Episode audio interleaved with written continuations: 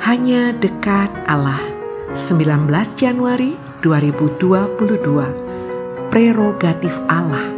Lukas 4 ayat 29 sampai 30 Mereka bangkit lalu menghalau Yesus keluar kota dan membawa dia ke tebing gunung.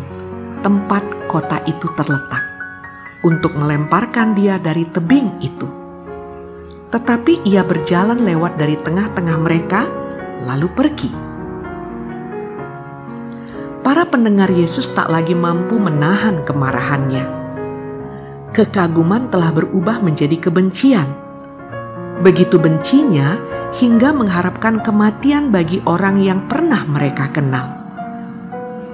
Dalam Alkitab Bahasa Indonesia sederhana tertera, mereka berdiri lalu menyeret dia keluar kota sampai ke tebing gunung Kota mereka terletak di atas gunung itu.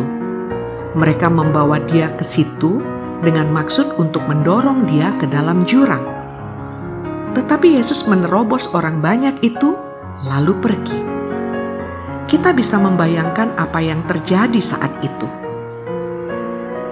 Yesus diseret keluar dari rumah ibadah dan diseret terus hingga ke tebing gunung.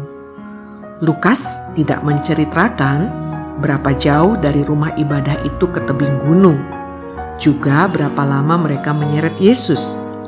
Yang pasti, mereka tidak lagi menghargai orang yang sempat mereka kagumi. Mereka juga sudah tidak lagi menghargai Yusuf dan Maria sebagai orang tua Yesus.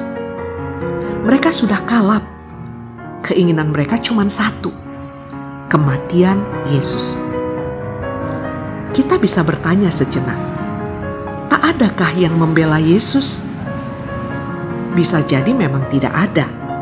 Kalau ada pun, pasti lebih memilih diam. Lagi pula, Yesus dipandang telah merendahkan kota mereka. Membela Yesus sama saja mencari mati. Namun, Lukas mencatat, sampai di pinggir tebing, Yesus malah leluasa menerobos dan pergi dari situ.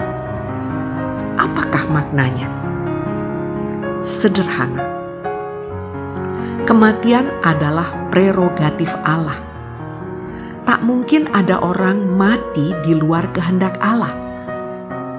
Pemahaman ini semestinya bisa menjadi penghiburan kita juga. Salam semangat dari kami, literatur perkantas nasional. Sahabat Anda bertumbuh.